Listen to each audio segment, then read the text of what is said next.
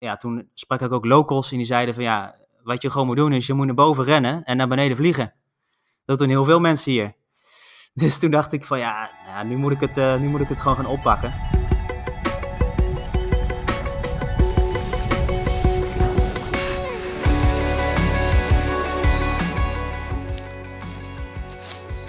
Hoi. Nee, dit is niet de Boswachtershow. Dit is gewoon Paragliding Vliegpraat. De podcast die alleen maar gaat over paragliding en alles wat daarbij komt kijken. Ik ben Haro Brouwer en deze aflevering praat ik met Anne-Jan Roeleveld. Over vliegen natuurlijk, maar ook hiken ben ik nu aan het doen. Op zoek naar een geschikte startplek. Anne-Jan, misschien heb je over hem gelezen in Lift, het magazine van de KNVVL over onder andere paragliding. Anne-Jan is een piloot die nog maar een paar jaar geleden is begonnen met vliegen. Maar dat zou je niet zeggen als je kijkt naar zijn indrukwekkende posts op social media. Vliegend, hoog boven valleien en bergtoppen in de Alpen. En hikend, oh, mutsje en zonnebril op het hoofd. En twee ultralightstokken in de hand. Met de conditie van een atleet, althans zo lijkt het. Heb je ook wel nodig als je doet aan hike and fly. Het onderwerp van deze aflevering.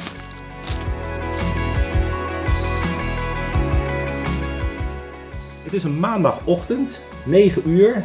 Buiten waait het op dit moment, althans bij mij, eh, meer dan 8 meter per seconde. Zwaar bewolkt. En wij gaan het gewoon op een maandagochtend hebben over vliegen. Hoe leuk is dat? Ja, zeker. Ja. Normaal begin je met de werkweek, maar uh, dat is zeker een, een, een, mooi alternatief zo. Aan de andere kant, op veilige afstand, helemaal coronaproof. Maar waar zit je eigenlijk nu? Ik zit nu ook in Houten, bij mij thuis. Ja. Stel je eventjes kort voor. Nou, ik ben Anne-Jan, 32 eh, jaar. Ik woon in Houten. En ik ben eigenlijk uh, nog niet zo heel erg lang aan het vliegen. Sinds uh, 2018. En sinds die tijd ja, ben ik er helemaal verslaafd aan geraakt. En ja, beïnvloedt dit een groot gedeelte van mijn leven. Ben je niet aan het vliegen, dan, dan lees je er wel over. Of dan kijk je een video. Of dan bereid je je voor op de volgende grote monstervlucht die je, zou die je graag zou willen maken. analyseer je vlucht op X-contest. Ja, dat, dat gaat maar door. Constant proces. Altijd, altijd maar bezig met vliegen. Ja, en blijven leren ook. Want je, ja, hoe verder je komt, hoe meer, hoe meer er eigenlijk achter komt dat je eigenlijk nog helemaal niks weet. En bij het begin denk je dan uh, na een paar vluchten van, oh, dit gaat eigenlijk al uh, vrij makkelijk, uh, ik heb het onder controle. Maar ja, hoe verder je komt, hoe, ja, hoe meer ik eigenlijk in die leermodus nog, nog meer erin kom. Daar gaan we het zo over hebben. Ehm, ik vind het super interessant. Ik, ik, begin bij iedere gast eventjes met een aantal losse vragen. Nou, eentje heb je al beantwoord, maar doe maar net of, of je hem nog niet hebt gehoord. Um, in welk jaar maakte je je eerste solo-vrucht? Dat was in uh, maart 2018 bij Maurik Paragliding aan de Lier. En die, heb ik, uh, eigenlijk, die Liercursus heb ik ter voorbereiding toen geboekt uh, op de bergcursus bij Airtime. En ik dacht van ja, ik wil eigenlijk vooraf al wat ervaring opdoen voordat ik meteen op de oefenhelling en mijn eerste bergvluchten maak. Dus toen heb ik besloten om dat in Nederland al op te pakken. Een normaal harnas of een lichtharnas? Inmiddels een lichtharnas, ja. In welk land wil je nog eens vliegen? Oeh, um, nou, heel graag in Brazilië. Toevallig heb ik net vorige week uh, geboekt voor volgend jaar. Voor 2021. Dus uh, ik ben heel benieuwd. Ik zou daar heel graag uh, ja, 300 kilometer of meer willen vliegen. Dus de ambities zijn hoog. Favoriete startmethode? Rugwaarts. Groepsdier of solist? Solist. Ja, ik ben altijd al een eindselganger geweest. Ik doe gewoon, en dat is bij paragliden eigenlijk ja, als ik, als ik alleen vlieg, dan, uh, ja, dan, dan, dan voel ik me gewoon fijner. Ik ben, als ik met anderen vlieg, dan moet ik altijd op anderen letten. Oh, wat gaan die doen? En dat merk ik ook bij de Lier. Het is hartstikke leuk in Nederland om daar die ervaring erin te houden. Alleen je bent altijd afhankelijk van anderen. En er komt natuurlijk best wel veel bij kijken bij de Lieren. En als ik uh, gewoon zelf met mijn, uh, met mijn uh, rugzak in Zwitserland een berg oploop, ja, dan is dat heerlijk om gewoon zelf te bepalen waar, hoe en ehm, ja, wanneer ik ga starten. En niet afhankelijk te zijn van anderen. Het is een stuk, stukje vrijheid wat ik dan ervaar. En uh, ja, dat merk ik dat het bij Hike and Fly echt uh, alles, alles dan gecombineerd wordt. Ook als je uh, jou volgt of wat je aan het doen bent, ehm, dan zou je haast niet zeggen dat je pas sinds 2018 vliegt. Het is allemaal vrij snel gegaan. en iedere keer als we weer op de starthelling stonden, ik kan me nog herinneren, dan ja, ik stond als eerste klaar. En dat was dat was eigenlijk altijd zo. En dan zei de, zei de startleider van, uh, oké okay, Anne-Jan, uh, ik heb Anne-Jan klaarstaan. En die had dan even contact met, uh, met de landing. En toen zeiden ze al altijd al van, ja, dat is geen verrassing dat Anne-Jan alweer klaar staat. Dus ja, je merkte toen, toen al dat ik er echt vol inging. En, ehm, Echt enorm gedreven. Enorm gedreven, inderdaad. En ja, dat, dat is eigenlijk altijd zo gebleven. En dat heeft er eigenlijk voor gezorgd, ook omdat ik er gewoon heel veel tijd in stop, dat je, dat je learning curve ook gewoon, ja, ja het, gaat, het gaat gewoon zo snel. Ik heb toen eigenlijk in, in, in een half jaar tijd heb ik mijn B2 gehaald. juni was ik in Zwitserland, heb ik bij een lokale vliegschool Misschien komt het daar straks ook nog over, over bij uh, Cloud 7. Dat is een bekende vliegschool in, in Zwitserland, in Vroeteken, waar ook heel veel bekende, wereldwijd bekende piloten zijn opgeleid. En ja, daar heb ik toen ook een aantal vluchten mee gedaan. Dat is wel een grappig verhaal, want ik, ik wilde dus in juni daar al vluchten maken om die mee te laten tellen voor mijn, voor mijn B2. Alleen toen ik daar aankwam en vroeg of ik mee mocht vliegen, toen was eigenlijk eerst de vraag: ja, maar ik wil eerst zien dat jij je scherm onder controle hebt op de grond. En uh, ja, dat, dat had ik eigenlijk nog nooit gehoord tot, uh, tot dat moment. En toen ben ik eigenlijk een, een week, want ik, ik, was daar toen een week en ik dacht dat ik daar een aantal vluchten kon maken. Alleen toen heb ik een week lang alleen maar ground handling gemaakt. Omdat hetgeen wat ik toen laten zien, ik heb, ik heb toen laten zien wat ik kon aan hem. En zei van nou, we beginnen hier eigenlijk gewoon helemaal weer vooraf aan met jou. Net zoals we met alle andere cursisten hier in Zwitserland beginnen bij die school. En dat is, uh, ja, je moet gewoon op de grond leren omgaan met uh, 20, 30 kilometer wind.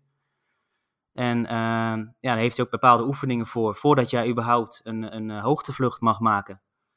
En hoe voelde dat voor jou, dat je weer als beginner werd behandeld? Ja, ik dacht van, kijk, daar weten ze echt hoe het, hoe het vliegen is, hoe het, hoe het vliegen moet. En ik dacht van, ja, ik, ik, ik moet dit doen, ik wil dat ook heel graag doen. dus toen heb ik die keuze gemaakt om ook daar heel veel tijd in te stoppen. En ik heb toen een week lang ja, echt alleen maar gegroundhandeld. En dat heeft me echt uh, enorm veranderd. En ik sprak toevallig... In welk opzicht? Nou, um, het, het, het, maakt je een stuk rustiger bij, bij, bij condities die, waar misschien anderen zeggen van... nou, ik, ik ga vandaag niet vliegen. Of ik, uh, ik, ik, word, ik word heel zenuwachtig. Of um, je, je merkt gewoon dat je bij allerlei condities... Je, ja, je scherm onder controle kan houden. En dat helpt je niet alleen maar uh, bij de start, maar ook uh, in turbulente omstandigheden in de lucht. En ik weet nog goed dat die, dat die instructeur, um, dat hij tegen mij zei, je leert met één uur ground handelen nog meer dan dat je een hele dag in de lucht zou, zou hangen. En ja, dat heb ik toen ook goed onthouden en dat, ik probeer altijd nog zoveel mogelijk ground handling te doen. En ik sprak hem toevallig afgelopen zomer nog en toen, hij zag natuurlijk ook, ja, ik vlieg daar, ik ben daar heel veel, uh, een paar maanden in het jaar. En hij ziet mij natuurlijk ook veel vliegen en dat ik ook meedoe aan wedstrijden.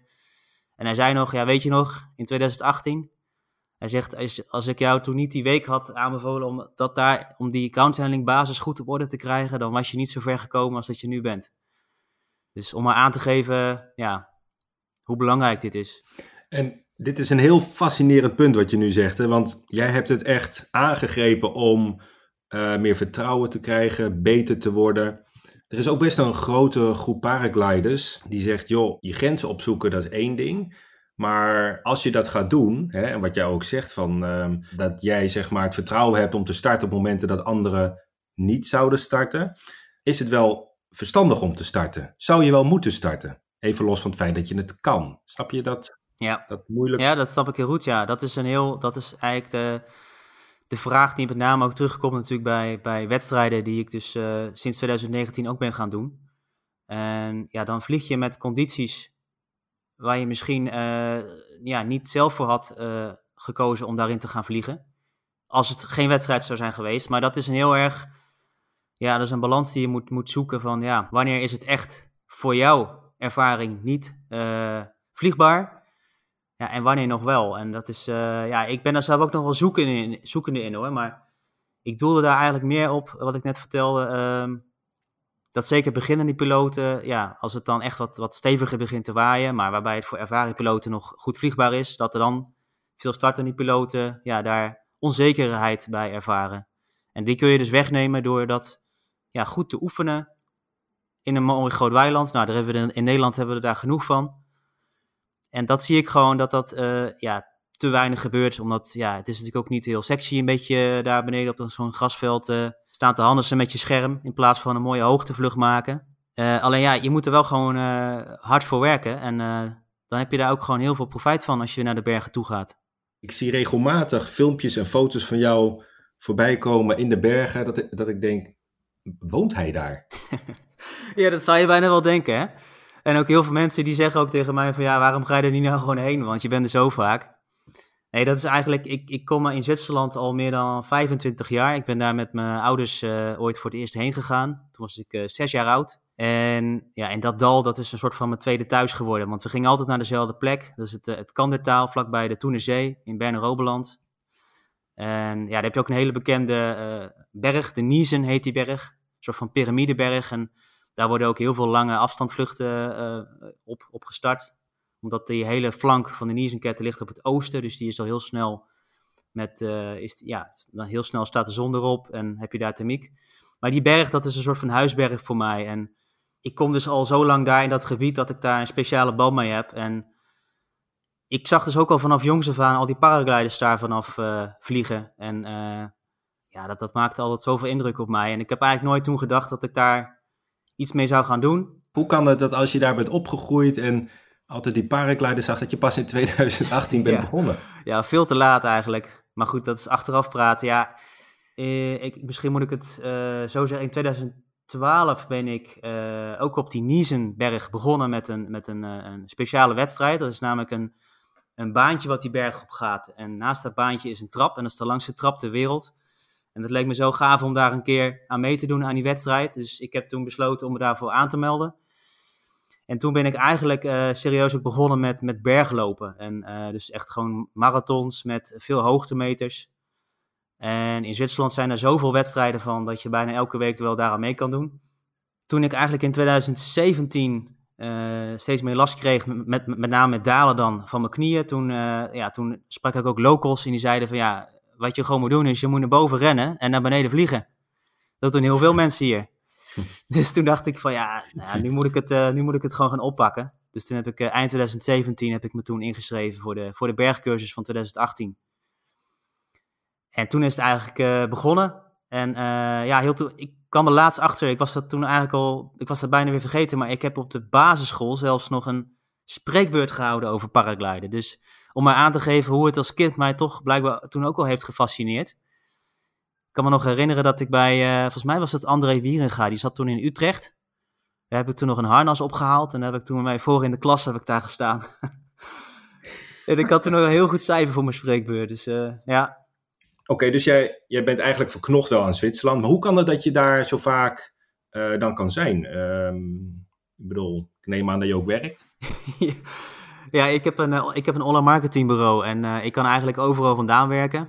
Uh, dat deed ik eigenlijk de laatste paar jaar. Eigenlijk ben ik altijd twee maanden in Zwitserland in de zomer. En dan ben ik met slecht weer ben ik aan het werk. En met mooi weer dan, ja, dan ben ik buiten spelen. Dus dat is bergbeklimmen. maar sinds de laatste twee jaar dus met name vliegen. En dat gecombineerd met, met, ja, met naar boven lopen of soms klimmen en dan naar beneden vliegen. En ja, dat, dat is in 2020 in het coronajaar nog wat verder uitgebreid. Ik was in, in maart, was ik nog een, in, maart, in maart 2020 was ik nog een weekje in, in, in Oostenrijk met Airtime voor een, een ski- en flyweek. Gingen we naar Hutten tour skiën en dan weer terug naar beneden vliegen. Super gaaf. En de week daarna zou ik naar Zwitserland gaan, alleen toen was het midden maart. En toen hoorde ik dat, dat ze de grenzen dicht zouden doen.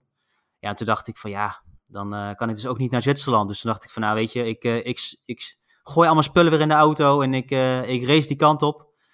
Nou, een dag later ging de grenzen dicht, dus toen kon je er niet meer in. Maar ik kon er nog wel uit. Ik kon altijd gewoon terug naar Nederland. Maar ja, ik, ik heb toen aan de verhuurster gevraagd van het huisje van, mag ik nog wat langer blijven na die twee weken? Nou, dat was geen probleem. En, want ja, er kwamen toch geen andere gasten. En toen uh, ja, ben ik eigenlijk uh, tot, tot juni daar gebleven en heb ik ja, eigenlijk de, het jaar van mijn leven gehad, kan ik wel zeggen. Ik heb meer dan 200 uur kunnen vliegen. Um, al mijn records kunnen verbreken. Ja, dat Welke records? super gaaf. Ja, met name lange afstand. Dus ik was in 2019, had ik het seizoen afgesloten met bijna een 100 kilometer vlakke driehoek. 96 kilometer om precies te zijn. Nou, ik moet, ik moet wel zeggen dat, uh, Anne-Jan, het valt me wel een beetje tegen dat als je vertelt, ja, in 2019 heb ik net niet mijn eerste 100 kilometer gehaald, vlakke driehoek over land. Ja. Dat valt me dan wel een beetje tegen. Dat ik denk van ja, dat die jongen dat gewoon niet doet in zijn eerste jaar. Dat doet, ja, ja, dat doet, toch, dat doet toch iedereen? ja, nou ja, ik had het heel graag gedaan. Nee, natuurlijk, maar goed, uh, ja. Het is al achteraf, het is echt heel snel gegaan, ja.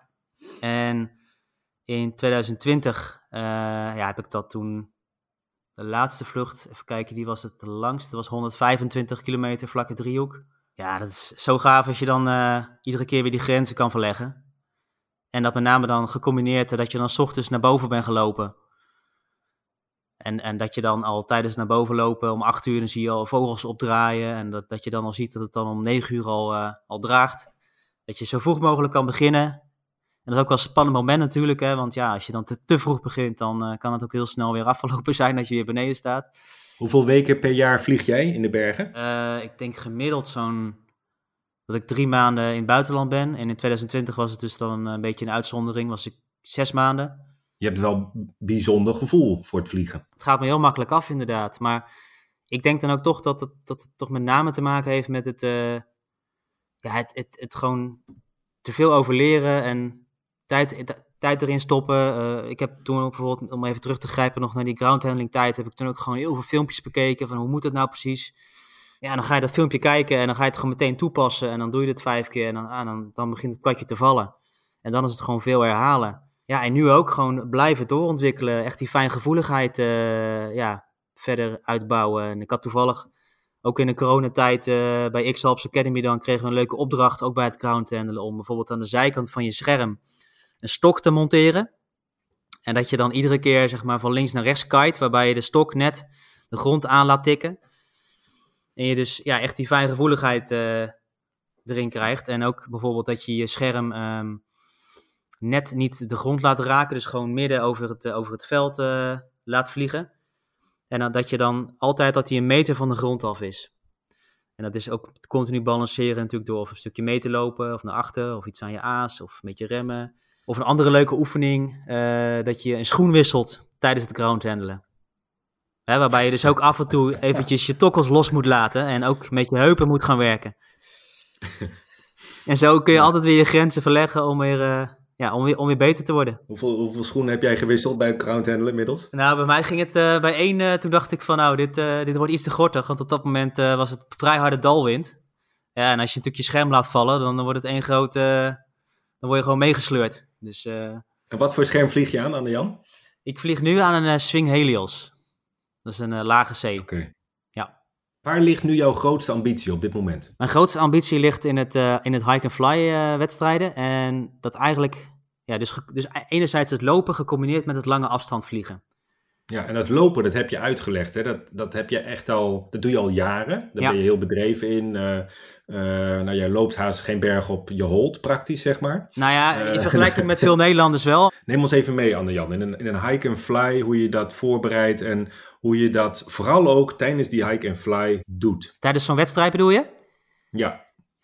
Nou, om even terug te gaan naar de Eikentour van de zomer van 2020 toen um, begonnen we eigenlijk in, uh, in, in Grindelwald. En ja, je bent natuurlijk uh, voor zo'n wedstrijd ben je toch een beetje gespannen. Want je denkt van ja, ben ik er wel echt klaar voor?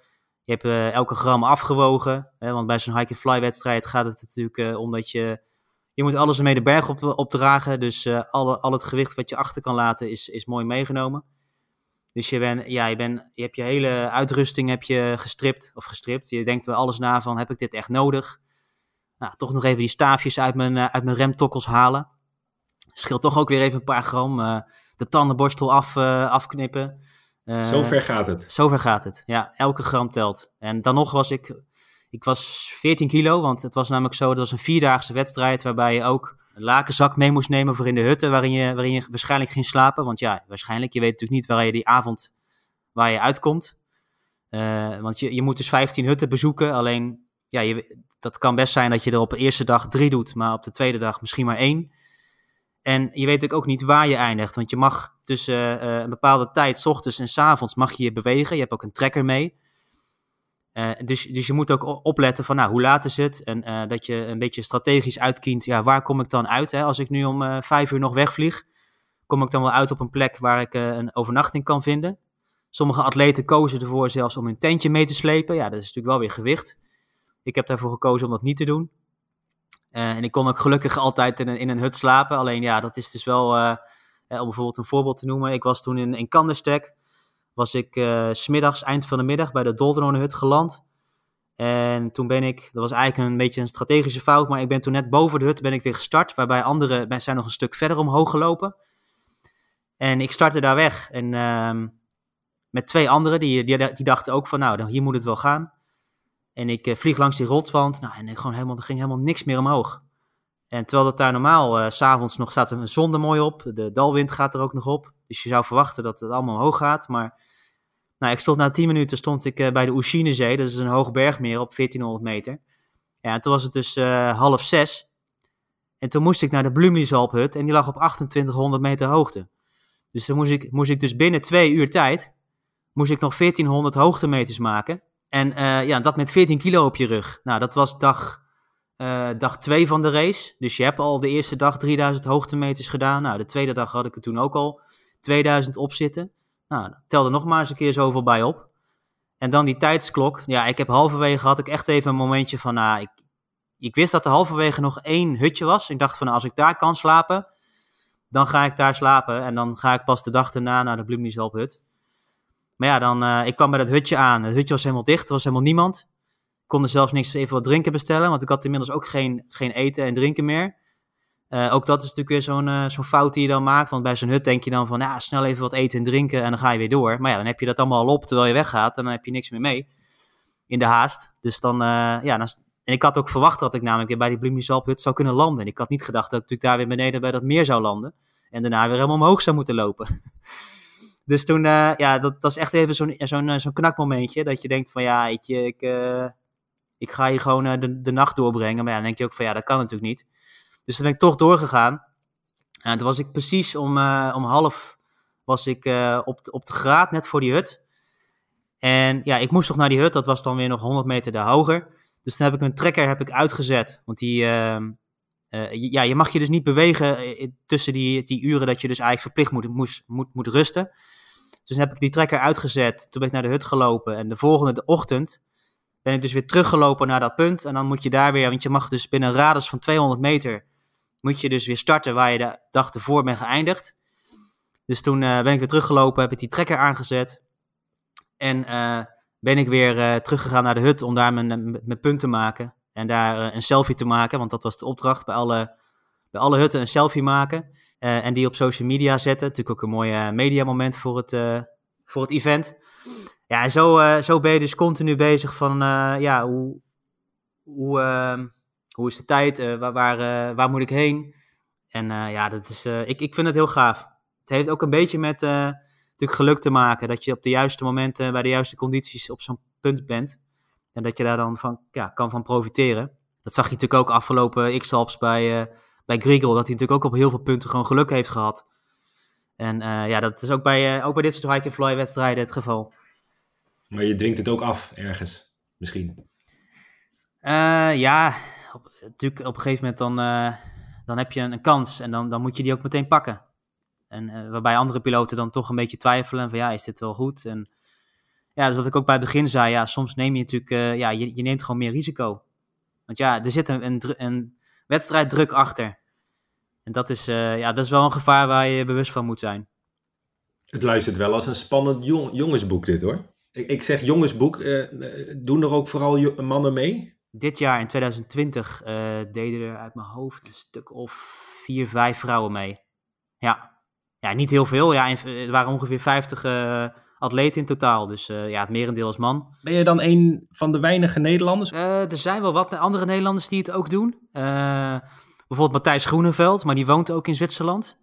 Dus ja, die, uh, die heeft natuurlijk ook wat, uh, die heeft wat meer tijd om daar ook te trainen natuurlijk. Maar um, ja, er zijn niet heel veel Nederlanders uh, die dit doen. er zijn, ja, ik denk, ik, denk, ik denk een handjevol. Jouw leercurve is indrukwekkend. En je vertelde net, hoe verder ik kom, hoe meer ik erachter kom wat ik nog niet weet. En dat vind ik een interessante, want met heel veel omstandigheden heb je überhaupt geen problemen meer. Dus waar, zit, waar zitten dan die dingen waarvan jij zegt, uh, ja, ik weet eigenlijk nog niet zoveel als dat ik denk? Ja, dat, dat heeft er ook mee te maken met dat ik natuurlijk mijn ambities telkens opschuif. En bij het begin dan, uh, dan start je met paragliden en dan vind je het al ja, een, een, een enorm groot doel als je een half uur of langer in de lucht zou kunnen blijven. Um, maar ja, hoe verder je komt, hoe meer je natuurlijk ook je grenzen gaat verleggen. En inmiddels ja, doe ik mee aan hike-and-fly wedstrijden, aan competitiewedstrijden. En ja, merk ik dat ik natuurlijk daar dan nog weer ervaring mis. Dus het is met name ja, dat, omdat je jezelf doorontwikkelt. En omdat je jezelf nieuwe doelen oplegt. ja, merk je dat je dan nog niet overal natuurlijk even bedreven in bent. En dat, dat, dat komt natuurlijk ook met de mensen waarmee je je omringt. Ik ben al sinds begin 2020 ook lid van de X-Alps Academy van Grigol Mauer in, in Zwitserland. En als je met, met die atleten die daar ook lid van zijn traint, ja, die hebben al zoveel meer ervaring en die hebben zoveel voordeel natuurlijk ook dat ze daar altijd wonen en altijd daar kunnen trainen. Dat je daar, ja, dan, dan voel je echt weer gewoon alsof je in 2018 bij, bij de vliegschool binnenstapt. Voelt het echt zo dan? Ja, dat is, ja, ik, kijk, zeker met, met, met alle hike-and-fly wedstrijden waarbij je um, uh, moeilijke toplandingen moet maken. En ja, dat heb ik eigenlijk pas sinds, sinds, sinds dit jaar, 2020, heb ik dat echt goed kunnen oefenen. En uh, nou, in de basis goed onder de knie kunnen krijgen. Ik wil daar nog zeker flink in doorontwikkelen, want daarin ben je natuurlijk nooit uitgeleerd. Maar dat zijn wel echt een van de, een van de moeilijkere dingen. Ja. Heb je wel eens iets vervelends meegemaakt? Uh, eigenlijk nooit iets vervelends waarbij het echt, uh, ja, waarbij ik iets, iets, iets brak of zo. Of wat dat ik echt, ja, serieus, ja, nee, ik, ik heb wel dingen natuurlijk meegemaakt waarbij je denkt achteraf van, nou, heb ik wel geluk mee gehad. Dat was meer geluk dan, dan ervaring. Um, ja, meerdere dingen. Is een keer een wolk ingevlogen toen de wolkenbasis heel laag was, dus onder de toppen. Waarbij ik op, op, mijn, op mijn apparatuur vloog. En ik dacht dat ik de wolk uitvloog. Um, maar mijn FlySky High app had toen wat vertraging. En toen zag ik in één keer een, een, een ridge vlak onder mij. En ja, dat was een heel spannend moment. Toen ehm, heb ik, ben ik blijven spiralen omdat ik de wolk weer in werd gezogen. En het zicht weer, ja, gewoon weer helemaal naar nul ging dat je gewoon in de wolk gewoon totaal niet ziet en je oriëntatie heel snel verliest. Dus je hebt geen idee meer of dat je naar het noorden of het zuiden vliegt. En nou, toen ben ik blijven spiralen, want ik wist niet aan welke kant ik nou precies zat van de ridge. Totdat ik de, zonkant zag en toen wist ik, ah, dat is de goede kant. En toen ben ik uh, aan die kant eruit gegaan. Maar dat er zijn van die momenten waarvan je dan achteraf denkt, ja, dit, uh, dit moeten we dus niet meer doen. Sowieso moet je natuurlijk nooit een wolk in vliegen. Maar kijk, soms gebeurt het wel eens een keer dat je net aan de, aan de loefzijde van een wolk omhoog uh, draait. En dat je net een halve draai een beetje half in die wolk maakt. Um, dat zou nog kunnen, maar doe dat dan alleen ook sowieso als de wolkenbasis hoger is dan de toppen. Dus je wil gewoon nooit uh, ja, het risico lopen dat je tegen een, uh, tegen een wand opvliegt. Want dat, dat kon wel eens fataal zijn natuurlijk. Heb jij angst wel eens met het vliegen? Ja, zeker. Dat, dat heeft iedereen, denk ik, als het goed is. En angst is ook niet per definitie slecht. Hè? Het, het beschermt je natuurlijk ook. als het maar niet de overhand neemt. dat je dat, on, ja, je moet het wel in controle houden. Als je, het, ehm, als je natuurlijk alleen maar dingen doet die altijd buiten je, buiten je grenzen vallen, dan kan het zijn natuurlijk dat je continu in zo'n angstpositie blijft zitten. En dat dat ook je, ja, je hele vlucht beïnvloedt en wat ervoor is. En dat je stress ervaart. Nou, dat is het slechtste wat je kan hebben. Dus heb jij misschien nog een tip? Waar ik heel veel aan heb gehad, zeker in mijn beginperiode, is dat ik uh, nadat ik bij Maurik en bij Airtime heb gezeten, heb ik uh, ook bij heel veel andere scholen meegedaan. Hè? Dus in Zwitserland lokaal, maar ook uh, met, ja, bij laatst nog met de ontwerpers van de swingschermen meegegaan. Um, en ik, ik merk dan, als je met veel meer verschillende instructeurs en, en, en mensen die al meer ervaring hebben daarmee omgaat, dat je dan uh, weer andere input krijgt. En die kijken weer naar andere dingen. Dus zo kun je echt je eigen, ja, je eigen uh, vliegstijl ontwikkelen.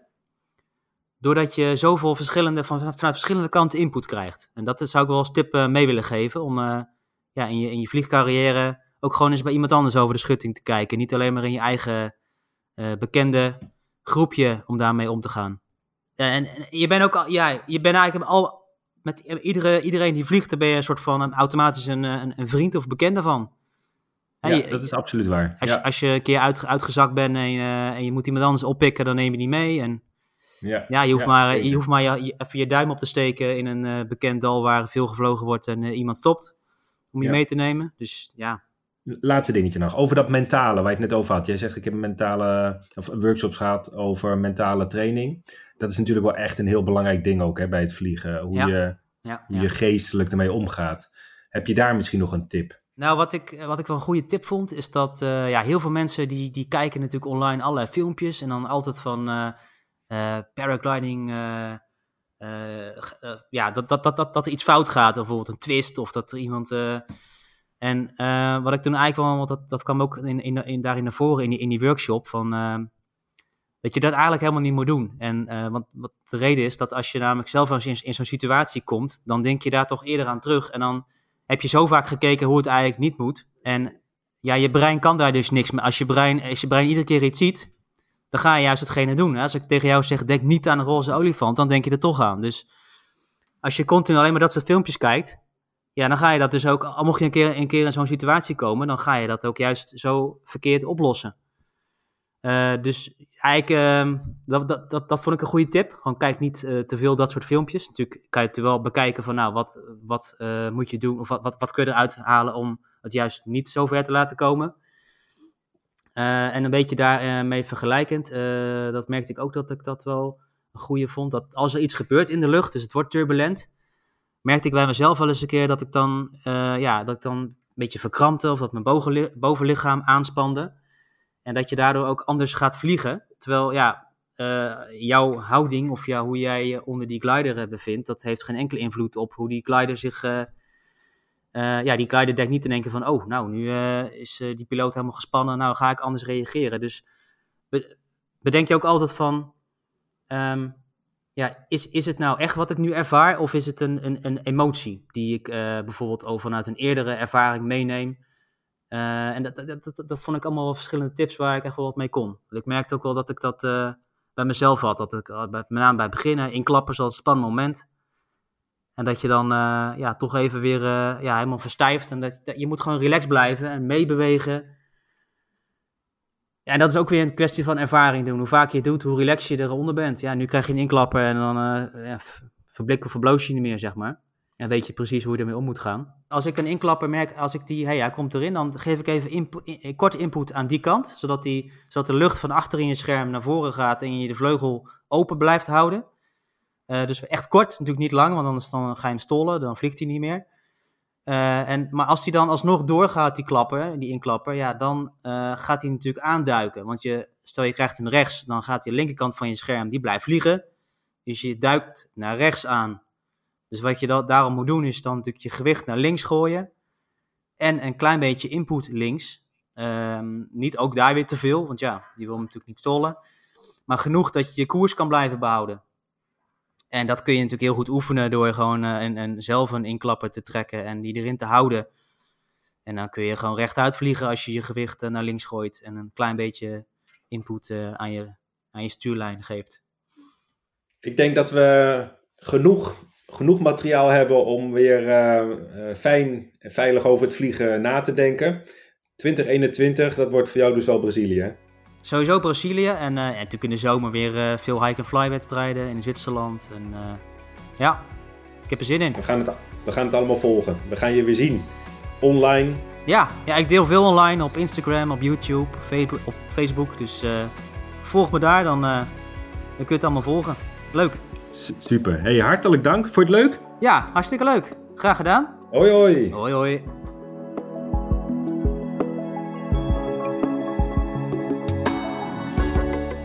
Hopelijk heb je met plezier naar deze aflevering geluisterd. Laat dat vooral even weten. Het kan bijvoorbeeld door een recensie achter te laten via de Apple Podcast app. Ik hoop dat je dat doet, want hoe meer positieve recensies, nou ja, het bekende verhaal. Een mailtje sturen naar harro.hebmp kan natuurlijk ook. Deel deze podcast waar je maar kunt. Op die manier bereikt Paragliding Vliegpraat ook geïnteresseerden en piloten die er nog niet van hebben gehoord. Abonneer je vooral op de podcast, dan krijg je bericht wanneer de volgende Vliegpraat klaar staat. Ik ga het bos uit op zoek naar een geschikte startplaats. Tot de volgende!